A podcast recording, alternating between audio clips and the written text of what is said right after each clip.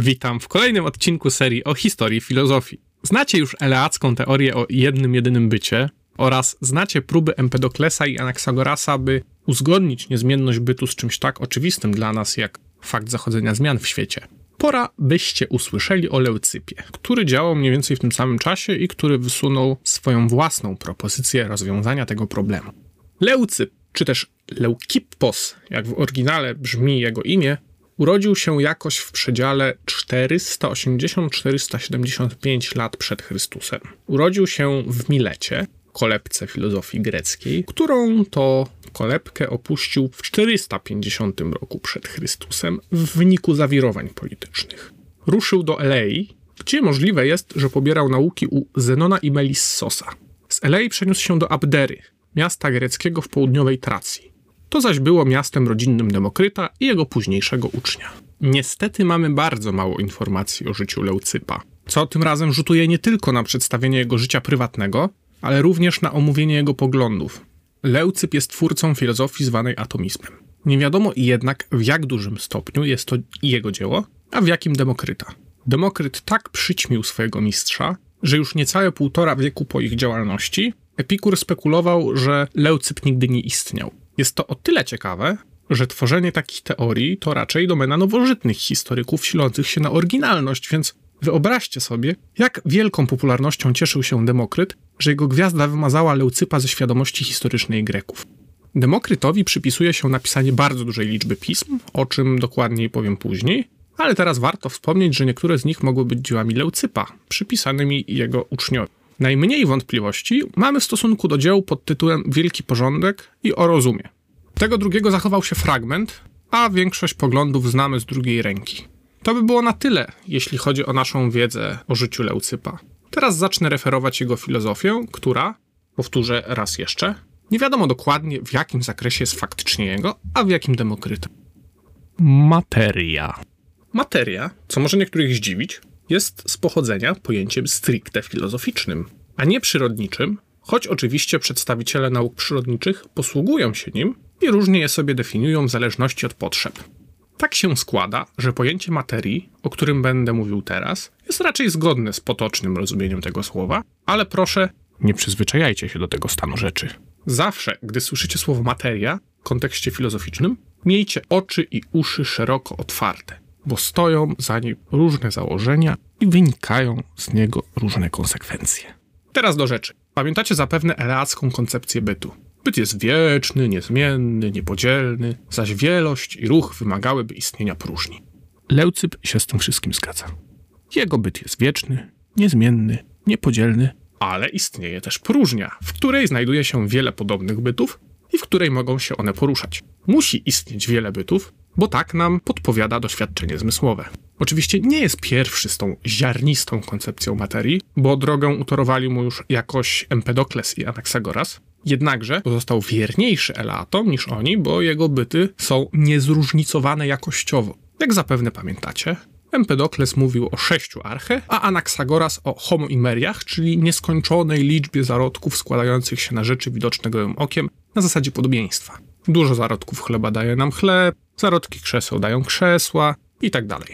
Leucyp posłuchał w tym zakresie Eraty Melissosa, który stwierdził, że jeśli by istniało wiele rzeczy, to musiałyby być takie jak eleackie jedno. Mamy więc wiele małych, niezmiennych, niepodzielnych fizycznie i nieprzenikliwych cząstek, otoczonych próżnią. Niepodzielny to po grecku atomos, Stąd te cząstki nazywa się atomami. Nie jest to pojęcie tożsame z atomem z fizyki współczesnej, bo przypominam, że te nasze atomy są podzielne. Co niepodzielność atomów leucypa oznacza w praktyce? Przykładowo to, że jeśli kroicie jabłko, to nóż musi trafić w próżnię. Gdyby jej tam nie było, to jabłko byłoby nieskończenie twarde i zupełnie niepodzielne. Dla udowodnienia, że próżnia istnieje, Leucyp przeprowadził ponoć pewne doświadczenie. Najpierw zapełnił naczynie popiołem, który zdaje się przylegać do siebie i wypełniać naczynie w 100%. Następnie, nie usuwając popiołu, wlał tam wodę. Według naszego filozofa oznacza to, że musi istnieć próżnia między atomami składającymi się na popiół, bo inaczej woda nie weszłaby do naczynia, nie zmieściłaby się. Tyle w kwestii niepodzielności. Co do rozmiarów, to atomy są tak małe, że właściwie są tylko punktami w przestrzeni bez długości, szerokości, grubości czy wysokości. nie mają żadnych jakości zmysłowych, a jedynie matematyczne. To jest położenie i porządek. Jakości zmysłowe, takie jak kolor czy zapach, ujmuje się tylko i wyłącznie rozumem i są one konsekwencją tych realnych własności geometrycznych. Stąd też jedyną realną przemianą atomów jest ruch. W ten sposób udało się wyjaśnić, jak atomy są wieczne i niezmienne, a zarazem poruszające się. Wśród matematyczno-greckich własności atomów, uznawanych przez Leucypa, wymienia się też kształt, ale kształt jest przecież jakością zmysłową, bo zakłada jakąś szerokość, długość czy wysokość. Ta nieścisłość wiąże się też ze stwierdzeniem, że atomy łączą się ze sobą ze względu na podobieństwo i ciągły odwieczny ruch, który jest ich własnością. Na przykład najdelikatniejsze atomy tworzą duszę, dzięki czemu może ona przenikać ciało. Wiszą w powietrzu i człowiek nimi oddycha. Odetnijcie człowieka od powietrza, to doprowadzicie do zaników atomu duszy w ciele i umrze. Sen i letarg to częściowy zanik atomów duszy, a śmierć całkowity. Powiedziałem, że atomy łączą się ze sobą ze względu na podobieństwo, co jest zgodne z szeroką literaturą na temat atomizmu, ale często się jednocześnie pisze, że ich łączenie pojmowano mechanicznie. A cóż to za mechanizm wykrywania podobieństwa w naturze? Przyznacie, że brzmi to dziwnie. Z impasu ratuje nas polski historyk filozofii Adam Krokiewicz, który zwrócił uwagę, że te różnice wielkości czy delikatności atomów sugerują, że pod tym samym mianem Leucyp mówi raz faktycznie o atomach, a raz o drobinach złożonych z atomów. Więc faktycznie drobiny mogą różnić się kształtem, a przez różnienie się kształtem fakturą. Pozostaje pytanie o to rzekome łączenie się na zasadzie podobieństwa. Tutaj sytuację może nam rozjaśnić kosmologia Leucypa. Jeśli chodzi o powstanie wszechświata, to powtarza starsze teorie. Uważał, że Ziemia jest płaska i ma kształt bębenka, Powtórzył też teorię Anaxagorasa o wielkim wirze i gromadzeniu się podobnych cząsteczek. Duże z dużymi w środku, a małe z małymi na zewnątrz. Nie mówi wprost o ciężarze, ale można by z tego ten ciężar wyczytać, co też zrobią potem epikurejczycy. Lekkość i rozmiary mniejszych cząsteczek pozwalają im na łatwiejsze poruszanie się w kotłowisku atomów, a ciężkość większych ogranicza ich mobilność. Tym bardziej, że ruch atomów jest według legendy przyrównywany przez Leucypa do ruchu pyłków w strumieniu słońca przy braku wiatru. My to moglibyśmy sobie wyobrazić jako ruch cząsteczek we współczesnej teorii kinetycznej gazów. Wracając, materia jest oczywiście wieczna i ruch jest wieczny. Wir powstaje, gdy gdzieś na skutek ruchów atomów w losowych kierunkach zrobi się gdzieś duża próżnia, a następnie zaczynają napływać atomy. Warto wspomnieć, że o ile ruchów atomów nie widzimy wprost, to wprost je czujemy nosem. Atomy wyzwalające się z większych skupisk tworzą wyziewy, dzięki czemu rozchodzą się zapachy. Ciekawe, jaki zapach będzie miał nasz wszechświat, gdy się rozpadnie. Pewnie waniliowy. Tym optymistycznym akcentem przechodzimy do Demokryta i zaczniemy oczywiście od części biograficznej, byście mieli chwilę wytchnienia po bardziej technicznych kwestiach. Demokryt żył mniej więcej w latach 460 do 370 przed Chrystusem, czyli spokojnie z 90 lat przeżył. Według Diogenesa Laertiosa żył 109 lat. Urodził się w Abderze, mieście w Tracji, czyli w takiej krainie na styku współczesnej Bułgarii, Grecji i Turcji. W tym samym miejscu urodził się inny znany filozof tych czasów, Protagoras, ale o nim więcej za dwa odcinki tej serii. Demokryt pochodził z bardzo bogatej i ważnej rodziny, która ponoć miała nawet gościć kiedyś u siebie króla perskiego Xerxesa. Wiele podróżował w celach naukowych, przez co roztrwonił prawie zupełnie bardzo duży majątek zostawiony mu przez ojca. Był w Egipcie, Azji Mniejszej i w Persji. Przypisywano mu nawet wizyty w Etiopii i w Indiach, choć to już raczej ociera się o legendy. Co do legend, to powstało ich na jego temat całe multum i oto niektóre z nich. Ponoć pewnego razu przyszedł do niego Hipokrates, ten znany lekarz e, od przysięgi Hipokratesa. Demokryt też miał dużą wiedzę medyczną, stąd w ogóle to powiązanie postaci. No i według tejże legendy Demokryt popisał się przed Hipokratesem spostrzegawczością w następujący sposób. Kazał przynieść sobie mleka, a gdy na nie spojrzał, stwierdził, że pochodzi od kozy, która rodziła pierwszy raz i była czarna. I ponoć tak właśnie było. Do służącej, która towarzyszyła Hipokratesowi, powiedział pierwszego dnia: Witaj, dzieweczko, a kolejnego: Witaj, kobieto. Co miało oznaczać, że straciła dziewictwo. I ponoć rzeczywiście tej nocy je straciła. Zagadką pozostaje, na jakiej zasadzie to stwierdził. Według innej legendy obawiał się szykan ze strony współobywateli po roztrwonieniu majątku, bo obowiązywało takie prawo, że kto utraci ojcowiznę nie może być pochowany we własnej ojczyźnie. W związku z tym wygłosił publicznie odczyt jednego ze swoich dzieł i zachwycone polis przyznało mu jakąś dużą sumę talentów, czyli takiej waluty, a po śmierci wyprawiono mu pogrzeb na koszt miasta i postawiono spiżowe posągi. Podobno, gdy był bardzo stary, to jego siostra martwiła się, że umrze on podczas tesmoforiów, czyli takiego święta na jesieni, i nie będzie mogła wziąć udziału w pochodzie na cześć bogini Demeter. Demokryt kazał jej dostarczać sobie codziennie ciepły, świeżo wypieczony chleb. Przez trzy dni świąt wąchał ten chleb, a gdy święta się skończyły, spokojnie umarł.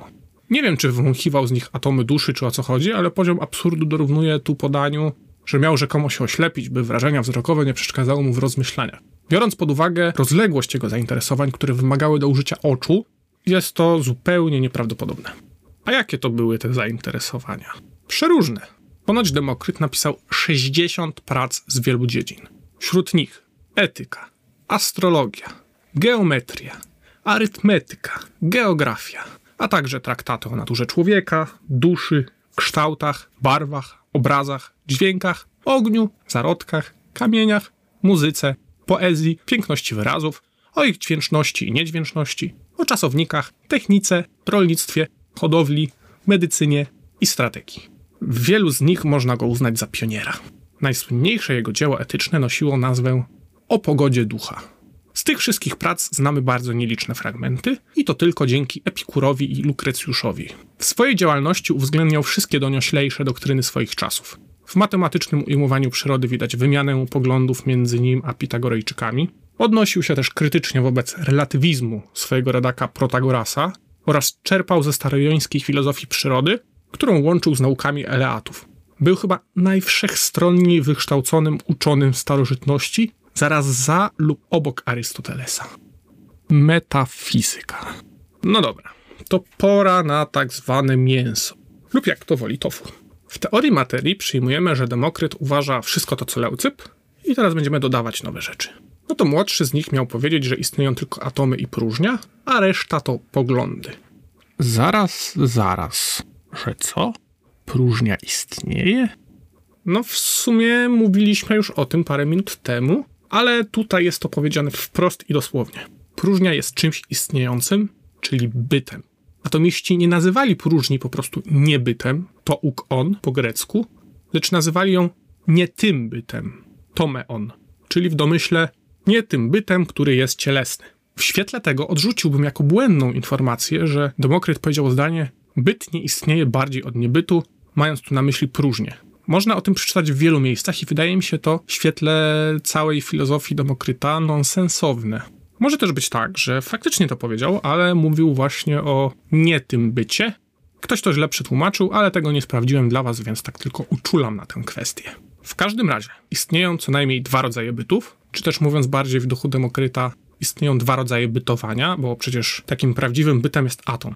Czasem jego stanowisko określa się jako monizm materialny, ale różnie się to definiuje, więc raz to stwierdzenie będzie prawdziwe, a innym razem fałszywe.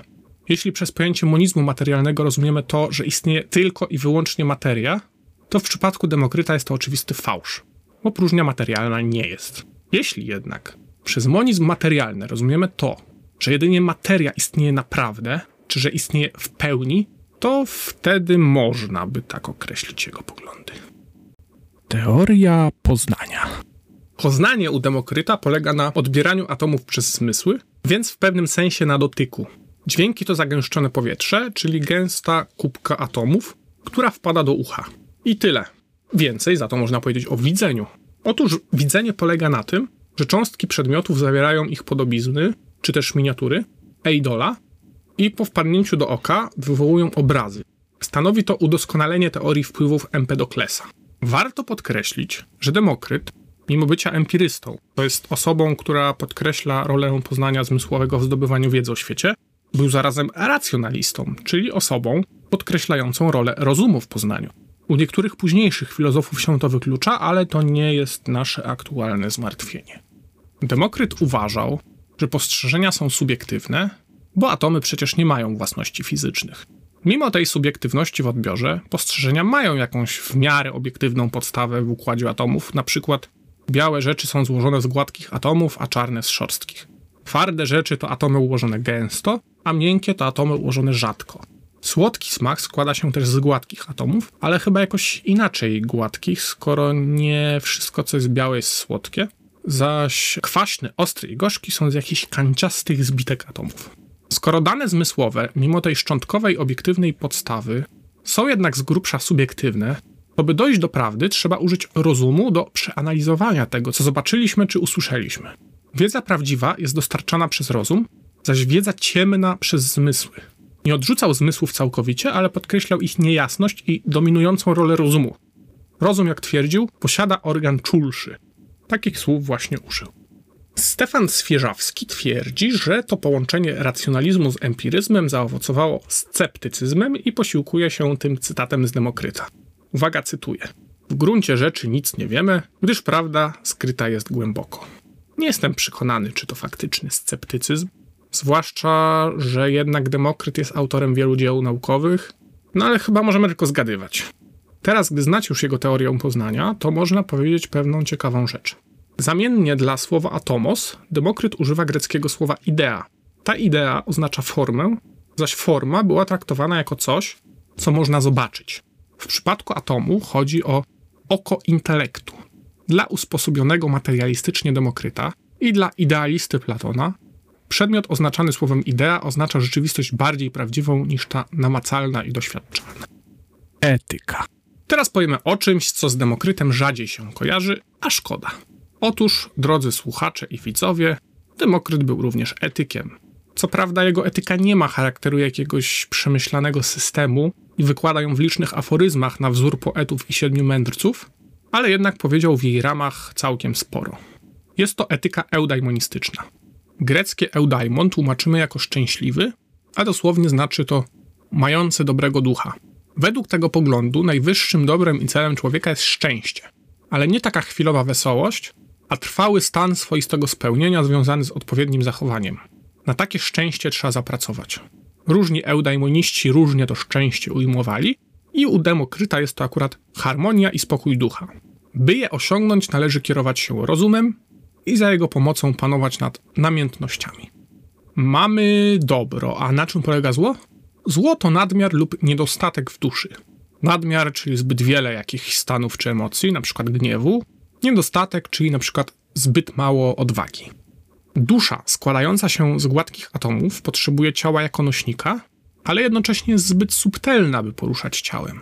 Robi to poprzez serce, które niestety zawiera tylko mniemania i nie posiada takiej wiedzy jak umysł zawarty w duszy, czy też umysł tożsamy z duszą, ciężko stwierdzić. W każdym razie serce ma dużo większy zakres ruchów atomowych, czy jakby powiedzieli fizycy, amplitudę i przez większy zakres ruchu siła serca jest dużo większa niż siła umysłu. Minusem tej siły jest to, że jest bardziej podatne na rozkołysanie i zaślepienie fałszywymi namiętnościami. Łatwo uczepić się jakiejś głupoty i brnąć w nią, będąc napędzanym siłą emocji. Etyka Demokryta skupia się na zagadnieniu, czy można, jeśli tak, to jak można zapewnić sobie dobre serce. Nad umysłem nie trzeba pracować, bo on nigdy nie zawodzi, zdaniem Demokryta. Przepis na dobre serce jest dość prosty. Jeśli nie jesteś dobrą osobą, to zacznij taką naśladować. Na tym właściwie polega wszelka nauka. Na jakiejś formie naśladownictwa.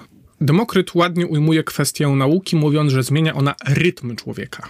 Dodaje też, że z oglądania pięknych dzieł i rzeczy rodzą się wielkie radości oraz, że cechą boskiego umysłu jest to, że zawsze myśli o czymś pięknym. Jeśli dopuściłeś się jakiegoś zła, to musisz żałować. Szczery żal jest według Abderyty ratunkiem życia. Jego etyka jest w pewnym stopniu zainspirowana jego doświadczeniem w pracy lekarza i traktuje ją jako rodzaj psychicznej kuracji. Twierdzi nawet, że choroby są najczęściej winą ludzi, co dziś byśmy nazwali podłożem psychosomatycznym. Ogółem za życie rozumne odpowiada wiedza umysłowa, polynojen, czyli taka mądrość. Jest to coś zupełnie innego niż erudycja, polymatien i stwierdza, że wielu erudytów nie ma wielkiego umysłu. Nie wiem jak wy, ale ja lubię takie ponadczasowe i trafne uwagi. Zazdrość. Powiedzmy sobie jeszcze o zazdrości, bo Demokryt poświęcił jej wiele miejsca w swoich rozważaniach. Mówi tak: Zazdrosny człowiek dręczy sam siebie jak wroga. Ponieważ sucha teoria nie trafia do ludzi rozgoryczonych, Demokryt oferuje im praktyczną radę, by porównywali się z tymi, którzy mają w życiu gorzej od nich. Jeśli będziemy tak robić, to nie będzie nam grozić zawiść i zazdrość i będziemy się cieszyć tym, co mamy. Temat ten jest ważny, ponieważ zazdrość jest nie tylko źródłem waśni między pojedynczymi ludźmi, ale także między całymi grupami społecznymi, czego współczesność daje najlepsze świadectwo. Tak na marginesie wspomnę, że Karol Marx doktoryzował się z Demokryta. Dzieci, kobiety i przyjaźń. Demokryt nie był fanem płocenia dzieci. Twierdził, że dzieci się nie prosiły na świat, tylko zostały poczęte w miłosnym i egoistycznym upojeniu. Człowiek powinien rozumniej podchodzić do przedłużania gatunku i być świadom, że ponosi ogromną odpowiedzialność za los swoich dzieci. Jednocześnie dzieci to problem, bo odciągają od ważnych zajęć i mogą być źródłem rozczarowań. Dużo lepiej jest adoptować dziecko niż je spłodzić, bo tylko wtedy możemy wybrać zgodnie z oczekiwaniami. Brzmi chłodno? No to słuchajcie tego. Zdaniem Demokryta miłość to pełna utrapień, upokorzeń, niewola płciowa. W dodatku niemożliwa jest przyjaźń damsko-męska. Prawdziwi przyjaciele są szlachetni i myślą podobnie, powinni chętniej dawać niż brać. Z kolei kobiety to nieznośne gaduły z zamiłowaniem do strojów i kłamliwej obłudy. Są dużo złośliwsze i przewrotniejsze od mężczyzn.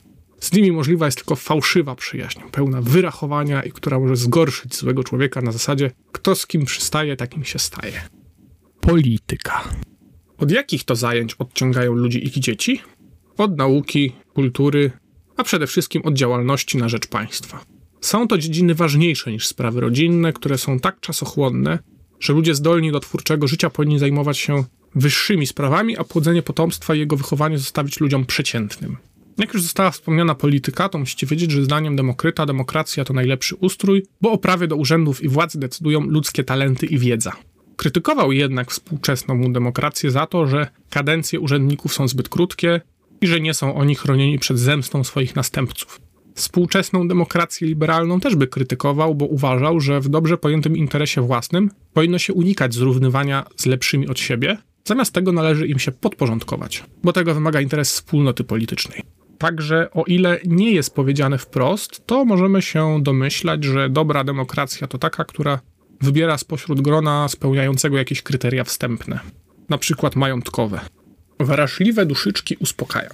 No może Demokryt nie był jakimś egalitarystą i nie uważał, że wszyscy są równi, ale przynajmniej był kosmopolitą. Co może, co po niektórych ucieszyć, a innych zmartwić oczywiście. Powiedział tak. Przed człowiekiem mądrym cała ziemia stoi otworem, bo dla duszy wzniosłej ojczyzną jest cały świat.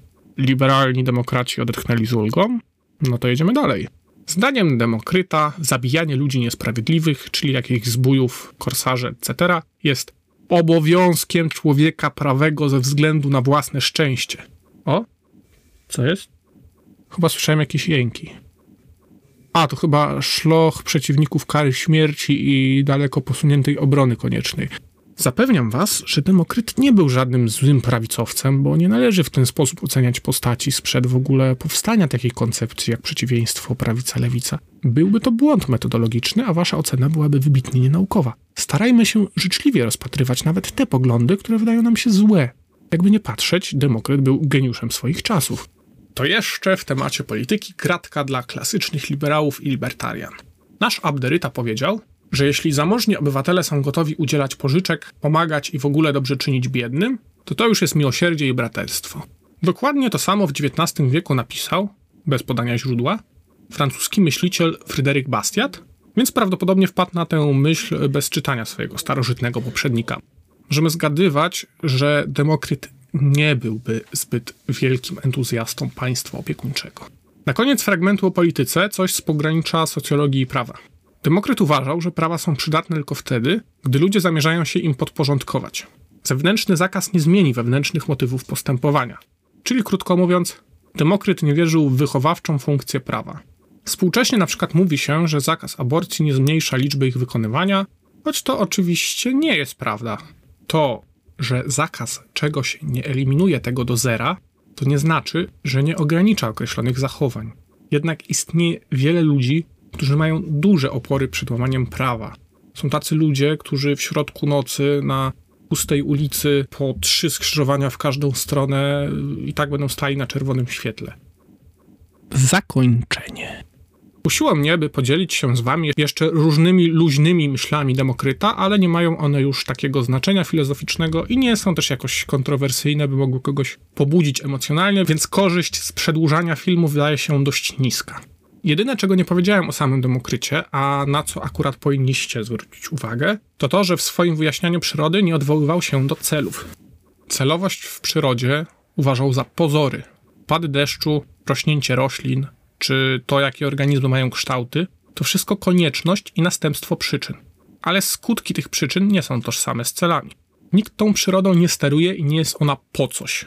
W wyjaśnianiu przyczynowym też szukał zawsze najbliższych przyczyn, a nie mówił o jakiejś pierwszej przyczynie wszystkiego czy o jakimś arche. Przez to przypomina trochę współczesnych myślicieli, więc można powiedzieć, że trochę wyprzedził swoje czasy. W ogóle rzućmy okiem, jak ten atomizm odcisnął swoje piętno na filozofii i nauce. Po pierwsze, Leucyp i Demokryt przyczynili się do rozróżnienia cielesnego i niecielesnego sposobu bycia w nadrzędnym pojęciu bytu jako taki. To stanowiło kolejny bardzo ważny krok w rozwoju metafizyki zaraz po stwierdzeniu Parmenidesa, że niebyt nie istnieje. Po drugie, do koncepcji niepodzielnych składników materii nawiązywali Platon, Ksenokrates, Arystoteles, Diodor z Kronos. Teorię tę znacznie rozwinęli epikurejczycy. W XIV wieku atomizm stał się stałym składnikiem różnych rozważań fizycznych. Czerpali z niego Grosseteste, Idzi Rzymianin, Mikołaj Skuzy, Giordano Bruno, Newton, Gassendi, Robert Boyle, Leibniz, Dalton. Atomizm pomógł sformułować kinetyczną teorię gazów i korpuskularną teorię światła. W końcu, w 1897 roku, John James Thomson, laureat Nagrody Nobla z fizyki, badając promienie katodowe, odkrył elektrony i doszedł do wniosku, że znajdują się one w każdym atomie. Tym samym atom nabrał współcześniejszego fizycznego znaczenia. Odpowiednika filozoficznego atomu nie znamy. W uproszczeniu możemy powiedzieć, y, że to jakieś kwarki, ale pytanie, jak długo będziemy mogli tak mówić i czy to się nie zmieni. Być może rację miał jednak Zenon z LEI i materia będzie podzielna w nieskończoność. Także to tyle. Część fizyczną myślę, że dobrze zapamiętaliście, więc przypomnę tu tylko, że Demokryt był również eudaimonistą, zajmował się etyką i mogę już Wam podziękować za uwagę. Subskrybujcie kanał, klikajcie w dzwoneczek, polubcie film tutaj na Facebooku i na Twitterze, zostawcie komentarze dla ruchu na stronie i wyczekujcie kolejnych filmów. Do usłyszenia.